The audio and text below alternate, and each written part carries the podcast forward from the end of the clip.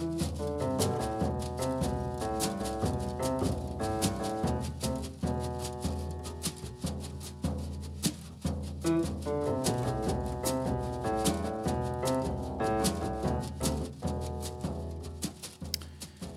hlustundur, velkomnir í þáttinn Svona er þetta. Ég heiti Þraustur Helgason og viðmælandi minn er Geir Sigursson, profesor í kínveskum fræðum við Háskóla Íslands. Geir hefur ansaka kínveska heimsbyggi um árabil, engum konfúsianisma. Hann hefur meðal annars beint sjónum að endurkomu konfúsianisma í Kína í samtímanum og leitast við að skilja hana í heimsbyggilegu, pólitísku og samfélagslegu samingi.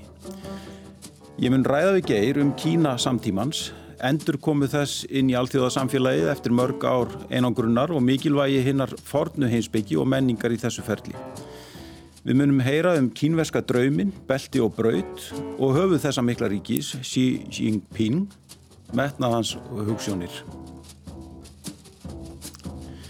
Geir, velkomin í þáttinn. Kjara þakkir. Ef þú ættir að útskýra hugsunarhátt kínveri í stöttu máli, hvernig myndur þú gera það? Já, í stuttum áli það er afalast mjög erfitt en um, og mér var nú reyndar að hugsa til sko, þegar þú spurðir að, að ég hlustaði á síðasta þáttin hjá þér þar sem að þú ætti samtal, gott samtal við fórstæðisáþara og þú byrjaði því að spyrja hvort það var þetta að skilja bandaríkin og þá var mér hugsað til þess að því ég vissi að ég var að koma í þáttin er hægt að skilja Kína? Og, e, og það er, það er reyndar aðdeglisvert að, að sko það er svona ákveðin tilheng hjá þeim sem að hafa, er að koma til Kína í fyrsta skipti eða hafa eh, komið bara örfáun sinnu til Kína þeir verðast einhvern veginn að skilja Kína bara alveg frá A til Ö. Um, en, en þeir sem hafa kannski svona dýbri þekkingu þeir átta sér alltaf á því hversum uh, lítið þeir skilja í raun og veru. Þannig að það er nú erfitt að, að segja en, en ef ég ætti að velja einhver orð uh, var ég tilneitur til að velja einhver orð þá múndi ég kannski segja uh, aðlugunarhefni Eh, gríðalega mikil aðlunarhefni og, og svona viðleikni til þess að, já, til að laga sig að nýjum aðstæðum og bregðast við þeim. Mm. Og það svona byrtist auðvitað á, með ýmsum hætti og á ýmsum stegum í samfélaginu en það sem að, mér er alltaf fundist mjög skemmtilegt í Kína til dæmis er að það byrja að rigna að þá er valla liðin mínúta sko áður en eru komnir hérna fleiri fleiri manns að selja reglívar. Það eru einhvern veginn nána sko náttúruöflónu fyrri til. Já. En sko, mann finnst líka að þeir horfi ofta á hlutina í kannski aðeins starra samingi heldur en, heldur en hérna við kannski gerum. Svona, það er að miskusti svona einhver mýta sem að hefur... Já, ég held að það sé nú kannski að einhverju leiti líka mýta og, og, og það er oft nefnt að, að sko Joe and Lai fyrir um utarrikisráð þegar Kína hafi, hafi svarað því þegar að, gott að hafi ekki verið Kissinger sem að spurði spurðan hvað hann finnst þú fransku byltingun og hann átt að segja sko að það var ofsnemt að segja. Já, en, en mér skilst að þetta sé nú einhver miskilningur og hann hafi átt við eitthvað annað, ekki fransku byltinguna heldur einhver aðra byltingu sem hafi nýverið átt í stað. Já. en það er vissulega rétt að, að auðvitað Kína á sér mjög langa sögu og þeir eru, eru sér sko mjög meðvitaður um söguna. Og það kannu auðvitað vera að, að það sér að það sko hafi til dæmis þau áhrif að þeir sjáu fyrir sér svona sögulega framöndu í einhverju kannski eitthvað starra samhengi eldur en við gerum á Vesturlöndum en ég þóri nú ekki að, að, hérna, að staðhæfa eh, neitt um það mm. Eh, er, er almenningur í, í Kína hvernig myndur lýsa honum? Er hann eh, svona Er hann meðvitaður um sína löngu menningarlegu arleið og, og, og svona? Já, ég held að hann sé það og hann er nú, hefur kemur mér að óvart um sko, hvað hann er svona vel upplýstur um, um ímisefni um og, og þetta sko allir kynverðar held ég eh, sko þekkja sko kínverska sögu afskaplega vel og, og sko ég skal nú kannski ekki hérna, staðhafa neitt um svona samhengi sögunar en, en að mér sko stið marga þætti úr sögunni þekkja þar afskaplega vel mm. en, en svo kom það mér mjög mikið óvart til dæmis árið 2008, ég held að það hefði verið í desember 2008 rétt eftir hrunið eh, þegar ég var stattur í, í Peking og, og hérna eh, var að býða einhver starf út á götu eftir kunningi mínu sem hefði farið inn í einhverja búð. Og þar kemur kona að mér og, og vil selja mér einhverjar, einhverjar töskur.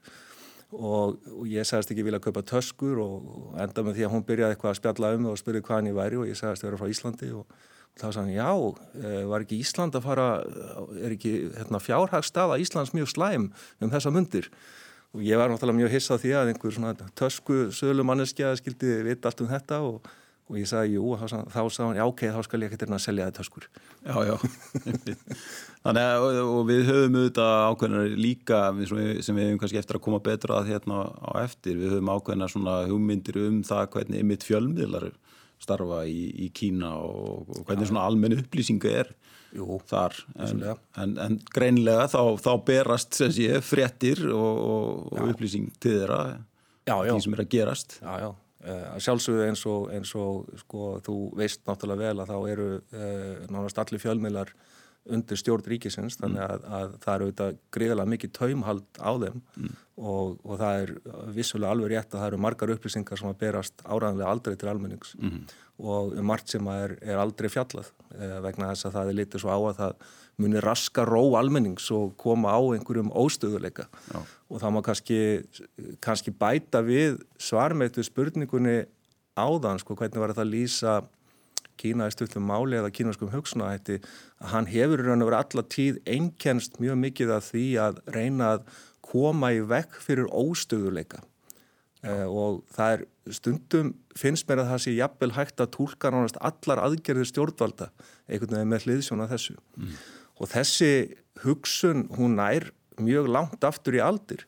Já, já. Uh, og, um, og þar kemur nú kannski sko það sem er uh, sko hérna segja nú hvað mest um þetta er það að, að sko allir heimsbyggi skólar Kína að þeir verða til sko í ófríðar ástandi og, og það má segja að það sé svona sameigilegt markmið allra þessara skóla að reyna að stemma stigu við ófríði koma á sagt, friði og, og, og hérna, reglu og, og stjórn og einhvern veginn sko þá finnst manni svolítið þetta markmið með samfél, skipulagningu samfélagsins en, en þá vera mjög mikið í hávegum höfð. Já, einmitt. Að, að sjálfum þér, þú ert, þú ert sem sé mentaður í kýmverskri heimsbyggi. Hvernig stóðið þú valdir það svið? Já, já, það valdi mig. Já. Já, ég, já það er nú auðvitað eins og er bara held ég tilviki mjög margra sem að fara út á einhverja svona brautir að, að það eru, eru tilviljanir, nokkrar tilviljanir sem að einhvern veginn leiða mann inn á brautir sem að maður hafi ekki séð fyrir. Og, og það eru auðvitað það sem er svo skemmtilegt við lífið að maður veit aldrei hvað gerist næst. Mm.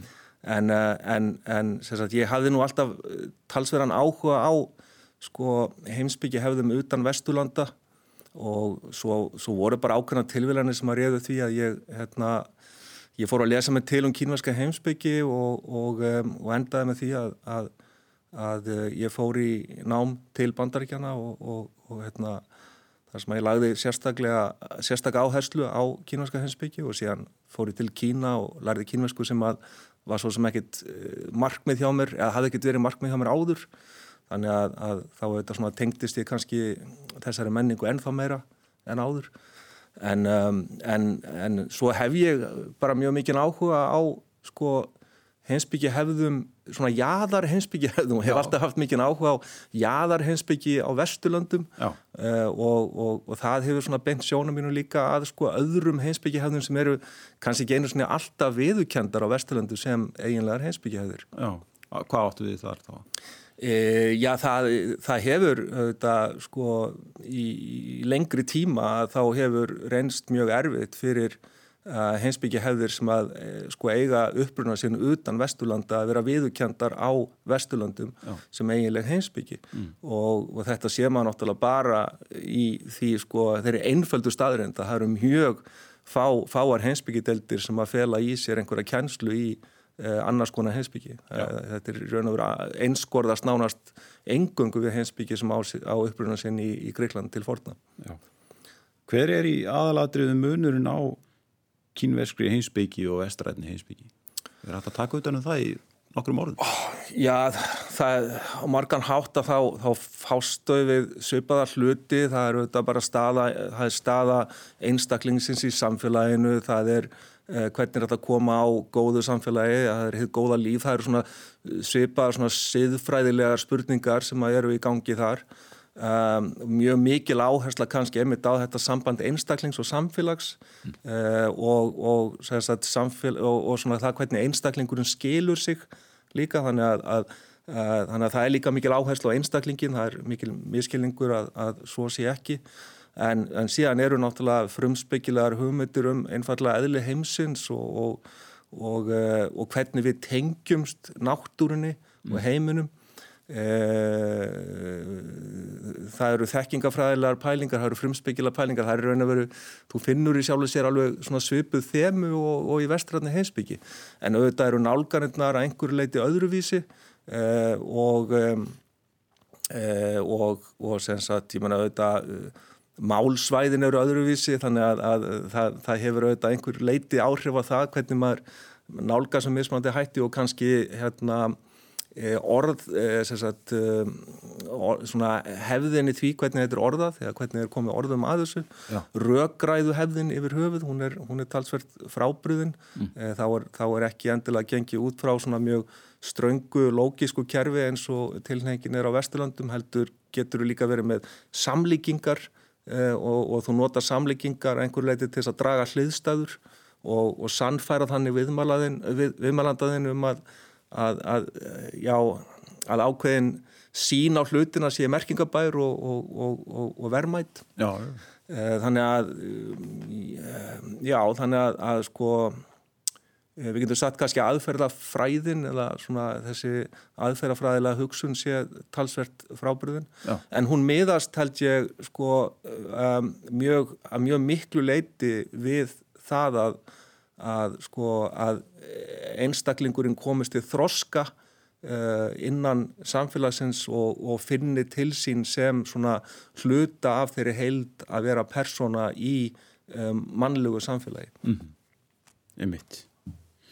Þú bjóst í Kína, ekki satt? Jú, ég bjó í tvö ár, var, það var á meðan ég var í, í doktorsnámi í Bandaríkjónum að þegar ég hafði lokið öllum námskeiðum að þá fekk ég tækifærið að fara í eitt ár til Kína og, og Hvað varstu? Ég var í Peking Já. og þessi þetta eina ár uh, framlendist í tvö ár mm. og um, þannig að ég var þar í, í kínusku námi og svo, svo byrjaði ég að skrifa doktorsækjana mína á meðan ég var þar mm -hmm. Þetta voru auðvitað uh, mjög áhugaverði tímar í, í Kína, greiðilega mikill uppgangur Já. en á, á sama tíma má kannski segja mikið frelsi líka uh, uh, kannski einhver leiti vissu kynverður ekki svo glögglega ákvaða leið þeir væru mm. uh, þannig að það var, það var margt svona órætt og skemmtilegt í samfélaginu en auðvitað ofsalega mikla sviftingar allstaðar það var verið að byggja mikið, það var verið að rýfa líka mikið. Og, og það gerist allt svo hratt að, að að sko ja, maður gæti verið alveg sko mjög undrandi við því að, að, að hérna hafa kannski farið í einhverja vestlun á einu degi og, og svo koma hérna daginn eftir eða tveimur dögum síðar og þá var ekki bara vestlunum horfin heldur sko og ekki bara byggingin heldur bara all gatan var horfin. Já, það gekk allt úr hatt fyrir sig og, og það voru mikla breytingar og auðvitað gríðalega mikil bjart síni mm. í, í Kína já. á þessum, þessu tíðanbili Og þú fer reglulega til Kína eða eitthvað? Já, ég er svona, sko, ég tek, allan svona fyrir COVID, þá, þá tók ég mjög mikinn þátt í alþjóðlu samstarfi sem að snýst um hensbyggi öðru fremur og, og sérstaklega svona kínversk vestranna samaburðar hensbyggi og það, það, er, það er svona ímis samtök sem að standa að því og, og, og eðlilega, eðli mál sem samkvæmt að þá eiga sér stað margar þessara rástefna og, og funda sér stað í Kína. Mm þannig að ég fer svona reglulega og svo auðvitað vil ég halda tungumálunu við og svo framvegis og auðvitað fylgjast með hvað er að gerast og fá svona einhverja tilfinningu fyrir öllum þeim breytingum sem er eiga sér stað í samfélaginu. Já, einmitt Þú, uh, þú hefur eh, rannsakað sem sé sko klassíska kínverska heimsbyggi, er það Já. ekki rétt á orðalæðið? Þú er, það er konfúsianismi sem kannski fyrst og fremst eða hvað? Já. Já. Sko maður veldi fyrir sér e, sko og þú nefnir hérna samtala á milli e, vestrætnar heimsbyggi og síðan þessar hefðar. Já. Sko á, á sé, þessi kínverska klassiska heimsbyggi erindi við samtíman og þá, þá er ég eiginlega að hugsa bæði sko við kínveskan samtíma og svo hins vegar við vestræna samtíma. Já, já, þetta er náttúrulega svona alveg tvíþætt spurning sko í raun og veru en eh, sko ef við byrjum bara á þessum vestræna samtíma um, að þá, þá tel ég að svo sé og, og flestir, ef ekki allir þeirra sem að hafa lagt stund á þessa kínvesku hensbyggi, ég held að þeir séu sammála mér um það að við getum lært mjög mikið af þessari heimsbyggi. Mm. Það eru svona ákveðin, ákveðin við og ákveðin sín á veruleikan sem að eh, við kannski finnum eh, eitthvað samsvarandi í vestiratni hugsun en hún er oft svona doldið mikil jáðarhugsun.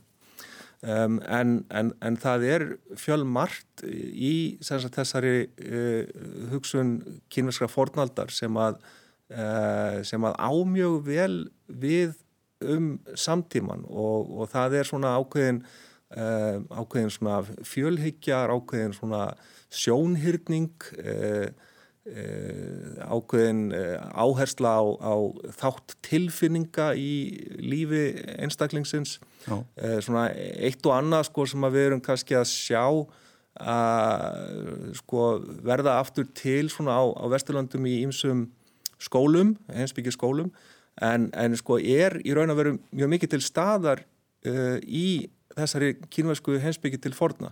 Þannig að ég held að við getum í raun að veru lært mjög mikið af henni til þess að taka inn. Nú síðan náttúrulega held ég að við verðum að, að horfast í augu við það að, að heimurinn okkar er auðvitað, hann er auðvitað lengi verið nattvætur mm. en ég held að nattvæðingin hafi aldrei verið eins djúb og, og hún hefur verið á undanfætum áratugum og hröð mm og við þurfum einfallega að held ég að, að sko gera einhverja gangsköru því að, að reyna að skilja aðrar menningar heldir á þeirra eigin fórsendum mm. og uh, sko þessi konfúsianiska heimsbyggi hún er auðvitað svona ákveðin grundvallur kínveskra menningar og kínveskra hugsunar mm. um, auðvitað með ýmsum fyrirvörum og hún hefur auðvitað þróast og mótast með ýmsum hætti og, og orðið fyrir mjög miklum áhrifum bæði innan og utanfrá. Það má ekki gleyma öðrum heimsbyggjaskólum í Kína eins og Daoisma sem er mjög já, mikilvægur. Já. og svo þetta buddhismi líka sem hefur, hefur, hefur líka haft alveg gríðalega mikil áhrif á kínvest samfélag. Mm -hmm. en, en sko konfúsianismi hefur líka haft sko mótandi áhrif á Japan. Þannig að haft mótandi áhrif á Vietnam já. og einhverju leiti á önnu samfélag í Suðaustur Asju þannig að til dæmis sko áherslan á á mentunina sem, a, sem að er mjög rík og algjört grundvallar atriði í konfúsianisma eh, og þá eru að tala held ég um, sko þá eru að tala um men, ekki tæknilega mentun, þá eru að tala um mentun sko fyrir bæði einstakling og samfélag. Mm. að koma einstaklingnum til manns eða sko menta í hinnum íslenska skilningi þess orðs. Já, já, já. Að, að verða manneskja. Þetta er svona húmanísk mentun mm -hmm. og það er það sem þetta snýst um að við verðum manneskjur alv alvöru manneskjur sem að lifum í samfélag og tökum tillit til annara sem að, að við uh, lifum bæði með mm. og getum ekki lifað án vegna þess að án annars fólks þá eru við ekki manneskjur. Mm við verðum bara manneskjur uh, vegna þess að við erum í tengslum við aðra manneskjur. Já. Þannig að þessi hugsun er mjög mikilvæg, uh, þannig að þetta bæði held ég sko uh, býr yfir svona heimsbyggilegu gildi en þetta býr líka yfir mjög miklu menningalegu gildi og ég myndi segja nattrænu gildi yfir höfuð. Mm -hmm. Þetta sem þú ert að nefna með sko menta hugmyndir í, í konfúsianisma endur speklast þessar hugmyndir í skólakerfi í Kína? Já, Kína er að sjálfsögðu að margan hátt vandarsamt uh, einfallega vegna já, þessa svona marxíska máiska stjórnkerfi sem að það ríkir og, og þá eru við kannski komi, komnir í hérna hinnaspurninguna sko eða hinn þáttinn sem að varðar það hvort að konfúsinism eigi erindi til Kína samtímans mm -hmm.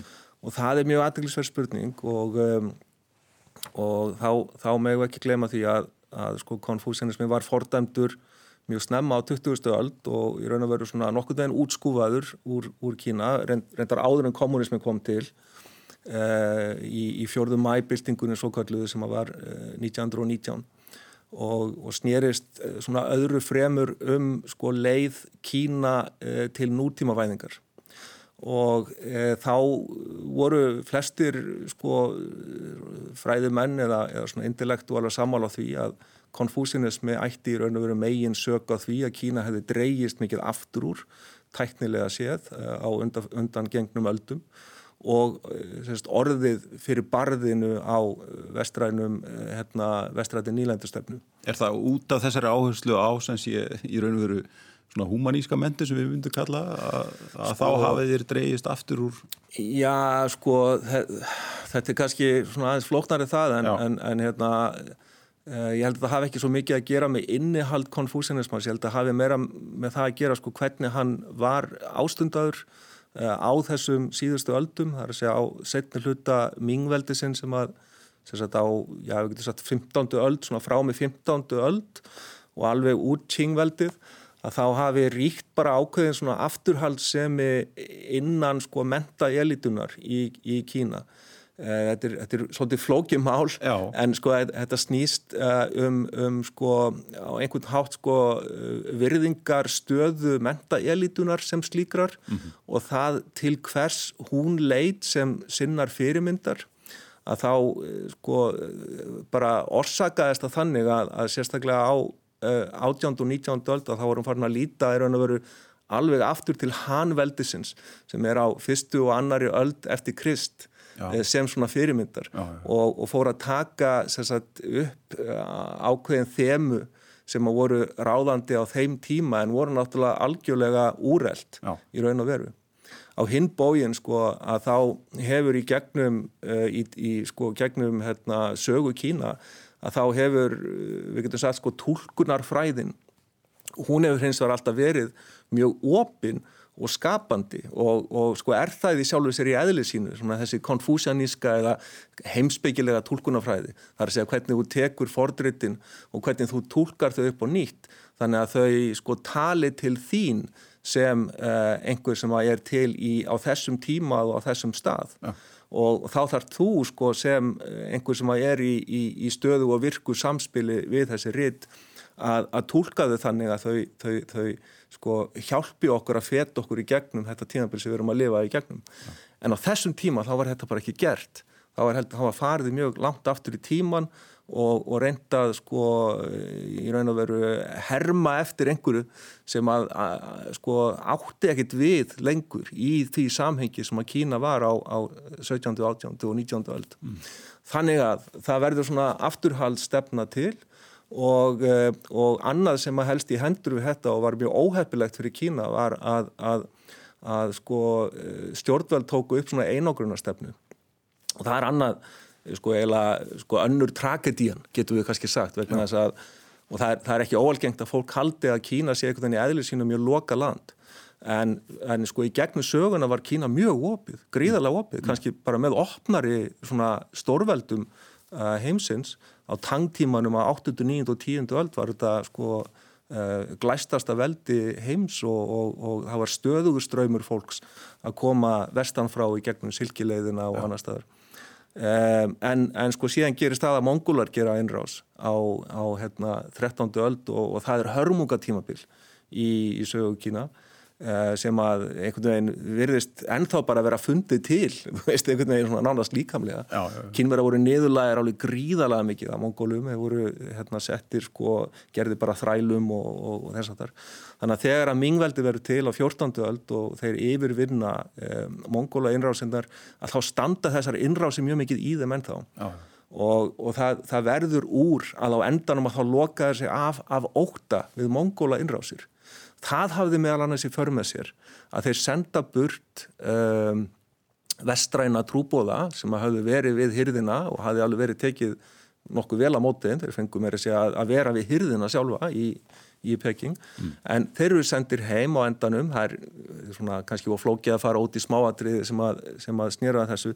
En trúbóðnir skiptur svo miklu máli vegna þess að þeir voru bæði að miðla til Vesturlanda upplýsingum um Kína en þeir voru líka að miðla til Kína upplýsingum um Vesturland já, já, og það er á þessu tímabili eh, sem að sko Vesturland ganga í gegnum vísindabildingu og, og tæknibildingu og það má segja að kynverða verða alveg af þessari bildingu vegna þess að þeir hafðu enga sko, uh, fulltrúa vestrætna menninga lengur hjá sér Já, þannig að þetta er, þetta er bara svona ofsalega óheppileg framvinda í alla staði. Já.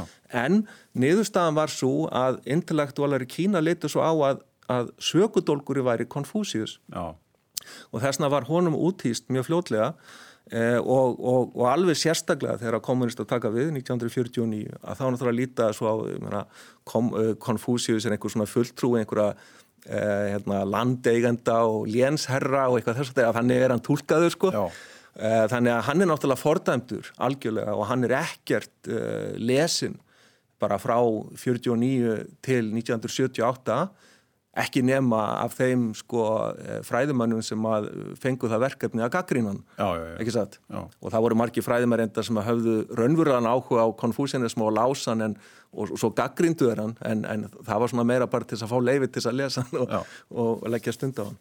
En svo er hann tekin aftur upp. Já, svo er hann tekin aftur upp eh, sem sagt þegar opnunarstefnan fyrir gang eftir 1978 að þá auðvitað fer uh, Kína í, í dálittlega naflaskoðun sem aðeinlegt er og við höfum auðvitað séð þetta líka bara í Östur-Európu og Úslandi að, að, að sko á þessum tíma uh, í upphafi nýjunda áratöðarins að þá var ímislegt kannski sem að benti til þess að það erði gert einhvers konar uppgjör við, við hérna, marxismann og máismann umfram allt mm. og auðvitað Deng Xiaoping Deng Xiaoping fyrir auðvitað í gang með, með svona nútímavæðingar eh, hérna, eh, hérna skipulagningu eh, á, á sviði landbúnaðar og yðnaðar og, og, og varnamála, mentunar og þess að þar opna landið fyrir erlendur fjárfestingu fljótlega kynver að fara, fara sko, unnvörpum í nám erlendis og svo frammiðis e, þá er spurningin e, e, þessi þjóð sem að hefur verið að grundvalla sagt, menningu sína einhvern veginn langmæstu leiti á Marx Máisma uh, getur hún haldið áfram að gera það mm -hmm. og, svona, og það bendi ímislega til þess að svari við þeirri spurningu veri nei mm. og, og hvað þá? Já, þá þurfum við að fara kannski að endur skoða okkar upprunlegu menningu og það verður til úr þessu gríðalega mikið, uh, svona mikil hreyfing getur við sagt sem að sem sagt, stjórnvöld kynnta undir uh, sem að kallast á kynvæsku gósju og merkir eitthvað svona eins og þjóðarlærdómur eða eitthvað þess að það og þetta er ennþá í gangi. Uh, það sem að sko uh, mikil kvartning fyrir gang að, að, að reyna að sko læra upp á nýtt hver, hérna, hver, hver er grundvöldur okkar menningar, kínveskra menningar. Einmitt. og það felur að sjálfsögðu í sér svona endur komu konfúsianiskra og dáiskra og jafnvel bútiskra uh, hérna, hinsbyggi Uh, og, og auðvitað, marg, auðvitað margskonar hérna, litteratúr sem að, sem að hafði áður kannski verið bannaður. Já. þannig að það er gríðalega mikil gróska í þessu á, á þessum áratugum. Hver, Hvernig byrtist þetta í byrtist þetta í beinlýnis í sko, stefnu stjórnvalda eða, eða í umræðu í Kína eða hvernig? Algjörlega, sko, það hefur gert það og á, á tíma Hu Jintao og Wen Jiabao þegar þeir voru við, við völda þá notaði Jintao mjög oft sko svona konfúsianísk hugtök uh, svona eins og harmoníu eða já, samstillingu eða eitthvað þess að og, um, og, og svona eitt og annað sko mikið talað um hérna uh, uh, meritokrasju eða hérna Ver, verleika, já, verleika samfélag og, og, og, og auðvitað sko má segja kannski að kommunistaflokkurinn að hann séu þetta einhvers konar verleika samfélag eh, það er mjög erfitt að ganga í flokkin eh, þú þart að raunverulega sína að þú hafið eitthvað fram að færa Já. og hafið eitthvað að bjóða. Þannig að sko flokkurn er svona elituflokkur getur mm. við sagt. Ákveðið sérfræðinga veldi á, á, á vissan hatt og, og, og sko ég menna það er þetta Jiang Zemin sko sem að tekur það ákveðin til dæmis að hleypa hérna uh, kaupsýslumannum sko í flokkin uh, og það er, var greiðilega stór skref sko, þá er raun að vera verið að segja já, flokkurinn er bara opin öllum sem að hafa uh, eitthvað sko að bjóða samfélaginu. Og þá erum við að tala um eitthvað ekkert ósvipað og kannski var við líði í Kína svona í gegnum keisaraveldin. Það er þessi menta elita sem að varu þetta valinn bara á grundöldi prófa. Mm. Uh, og, og áttu síðan að, að sagt, gera, gefa keisarunum alltaf ráleggingar um, um, um hérna, uh, hvað skrefskildi taka í stjórnmálun mm. og kommunistaflokkurinn kannski virkar einhvern veginn þannig að, að það var að minnstu kosti vísir að því að hann væri að fara í þessa átt að einhverju leiti uh, nú það að sjálfsögðu hérna, margir gerðunum kannski grínaði sko, hvernig Hútjinn tá notaði þessi konfúsiansku hutök og, og svona eins og þetta með að harmonisera sko að að hvort mann er að nota þetta sem aktífa sögn já, að, að yfirvöld alltaf harmonisera almenning. já, já. það er svona hljómar ekkert mjög harmonisera sko, og, auðvitað sko allt einhvern veginn frumkvæði kemur svo mikið á ofan. Og, og það er sko bara hreinlega mjög í anstöðu í raun að veru við sko konfúsinisma uh, allavega hugsunaháttin sko. Mm. eh, og Og, og síðan sko Xi Jinping eftir að hann tók við þá byrja nú alveg sérstakur kapitúli sko. eh, en, en sko ég var gott að það var ekki 2013 þá var ég stattur á, á stóri ráðstefnu alþjóðlegu eh, eh, konfúsianisma samtakana sem að eru eh, hérna kínvesk risastór ráðstefna sko með eitthvað svona þúsund mælumum og þegar að, að, að ráðstefnan er sett í, í, hérna, í, í stóru alþýðuhöllinni sko, að, að þá finnum maður að það er eitthvað á segði, það er eitthvað að gerast. Mm. og þá allt í nú bara mætir Xi Jinping sjálfur að setja ráðstefnuna. Og þetta er rosalega stórt sko að hann er að setja ráðstefnuna sem að snýst um konfúsianisma og það, það, sko, það þýðir í raun og veru að aðsti hérna uh, maður landsins er, er sagt að já, hann er að e, hann er að sko réttlæta mm. konfúsianisma og, og, hérna, og gera hann svona hátt undir höfði að vísu í einsetningaræðun eða í hérna í opnunaræðunni þá, þá tók hann fram að konfúsianismi væri náttúrulega ekki eina stefnan sem að ætti að, að sko, uh, hérna, leggja áherslu á og heldur líka allar aðra stefnur Já. í Kína, allar aðra kínverska stefnur það er dáismi og, og fleiri sko.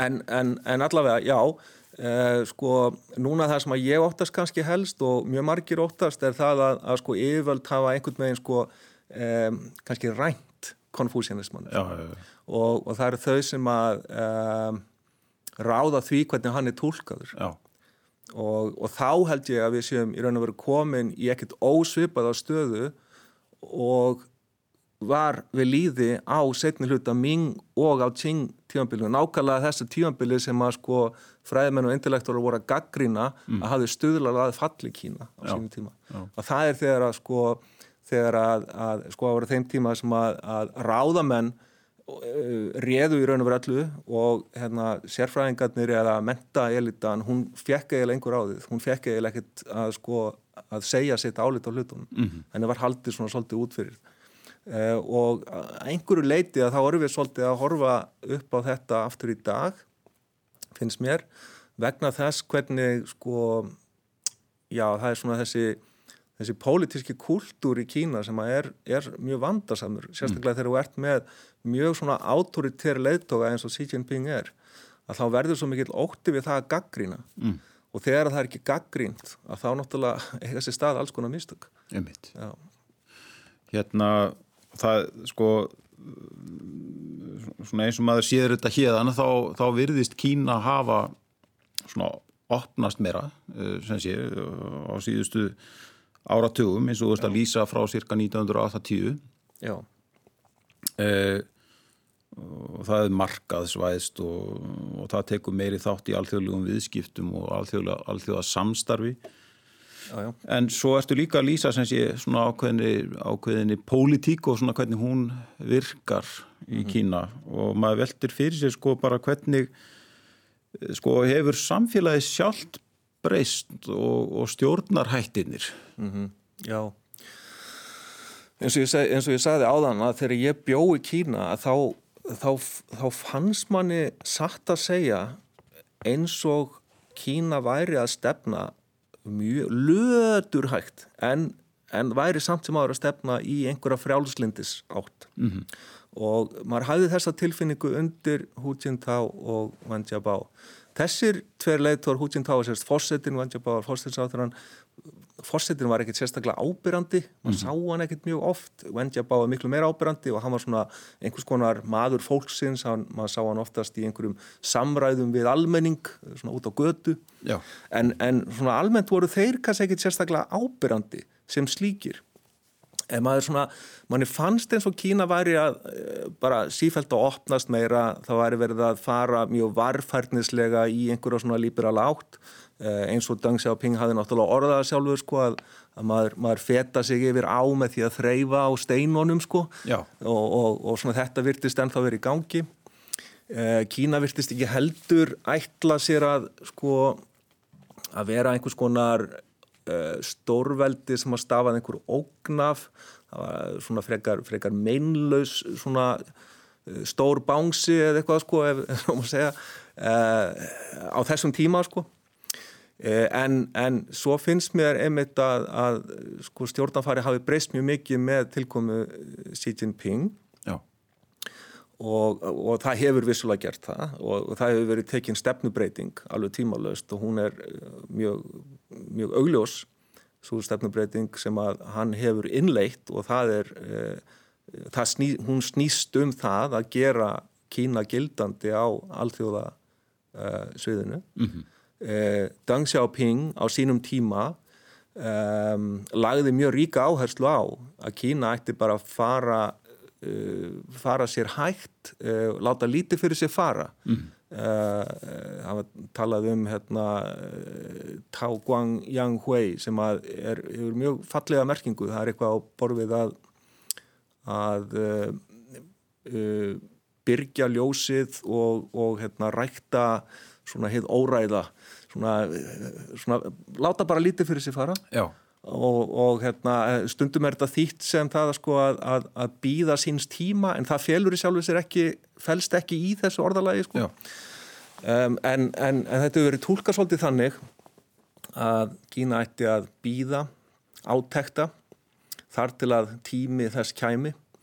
E, og það kann svo sem vel að vera að kínverski ráðamenn hafi líka skilið þetta þannig.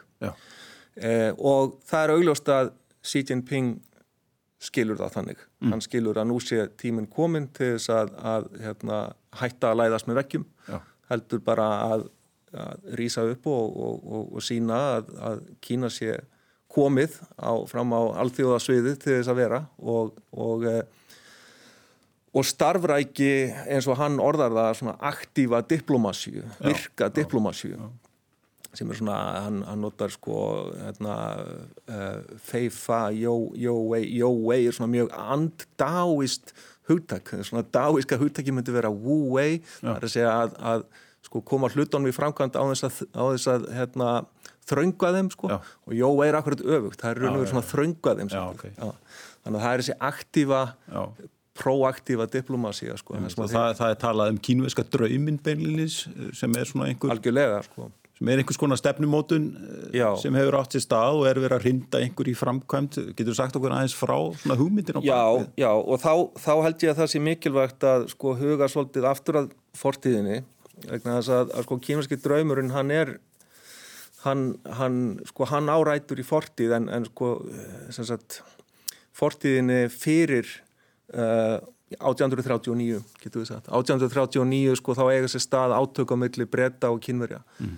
Og uh, það er hinn svo kalluðu opiumstríð sko eða fyrra opiumstríðið og það verður upphæfið af því að, að Kína verður raun að vera svona fórna lamp uh, nýlendu veldana og um tíma var það nú þannig í Kína að, að sko þótt að Kína hafi náttúrulega aldrei orðið nýlenda sem slík en það var búið að sko uh, hérna, skipta Kína upp í áhrifasvæði þar sem að voru sko, brettar og frakkar og, og e, bandarækjum að voru komnir. Þjóðurar komu líka inn í þetta þegar þeir hafðu saminast eftir 1871 svo komu Japanir inn í þetta e, rússar, e, ítalir og, og, og jafnvel einhverju fleiri. Mm -hmm. og og Kína var bara skipt upp í þessi, þessi áhrifasvæði og svona alveg sko ef við bara skoðum stöðuna eins og hún var kannski 1905 eða eitthvað þess að að þá, þá var uh, sko kínverska ríkistjóðin algjörlega valdalös, algjörlega mm.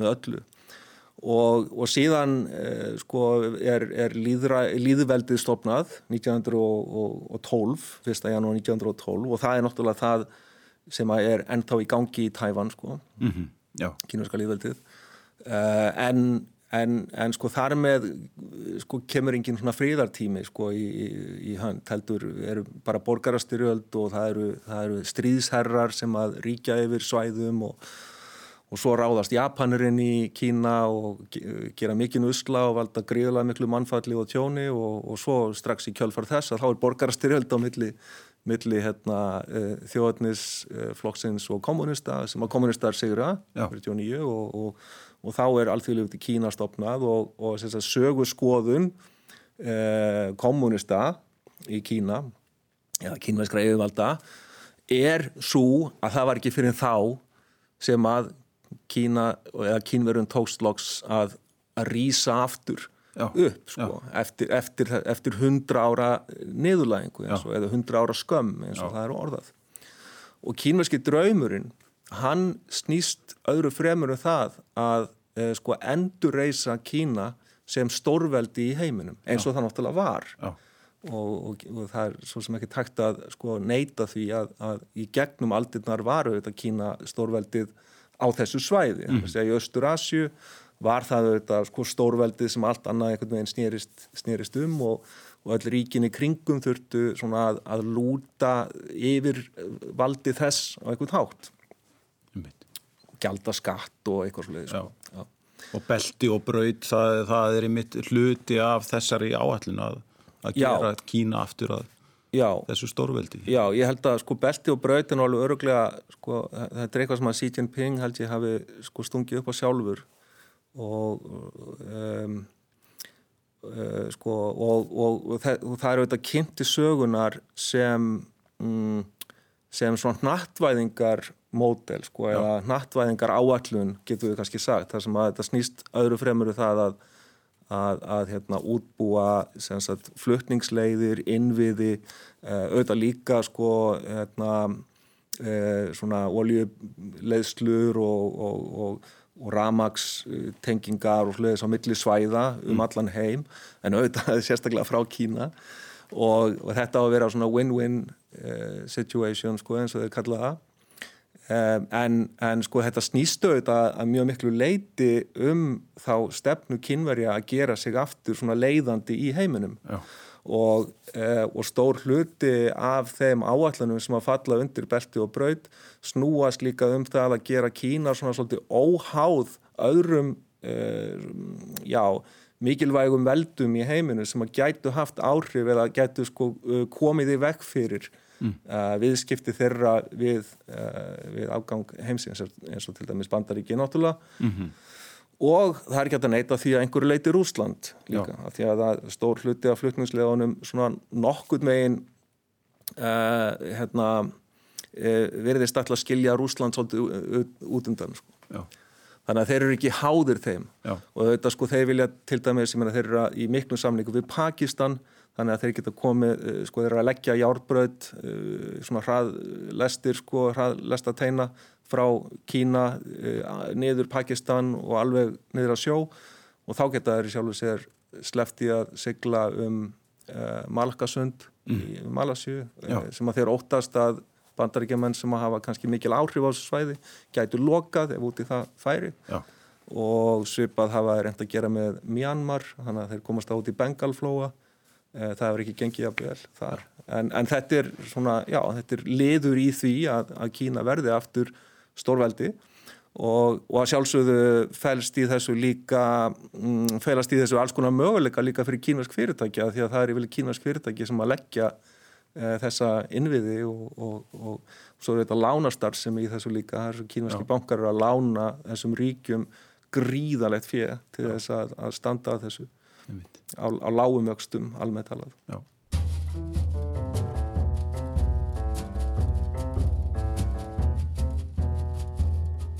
Kæru lusnundur, ég heiti Þraustur Helgason og þeir eru að hlusta á þáttinn Svona er þetta. Gestur minna þessu sinni er Geir Sigursson, profesor í kínveskum fræðum við Háskóla Íslands. Í þessum þáttum höfum við átt orðastaf við forðunilegt fólk úr ímsum áttum, fólk með reynslu, viðhorf og sérþekkingu sem reyfi við okkur. Katrín Jakobsdóttir, fósætsráðara, talaði um bandar í stjórnmál, líðræði og pólitík yfirleitt, meðal annars um ójöfnuð og líðræði. Hægt er að hlusta á að svona er þetta í spilar og rúf og í öllum helstu hlaðarps veitum. Og ójöfnuður hefur áhrif á líðræðið og líðræðislega þáttöku. Og ójöfnuður skapar líka einhverju leiti e, þessa þetta vantraust sem vorum að ræða áðan og orðræðu stjórnmálana að fólk upplifir ekki að það sé talað til þeirra beint að það sé verið að hafa í huga þeirra kjör uh, að það sé ekki verið að hugsa um það bara hvernig þetta fólk er að endum saman uh, að það er að fá leikskólaplás fyrir börnin að það er að fá að bara gera það mesta við sitt líf sko mm. Þannig að ég held að víða það sem höfum séð ójöfnuð aukast, þá skapar það ákvæmna hættu, kakast líðræðinu.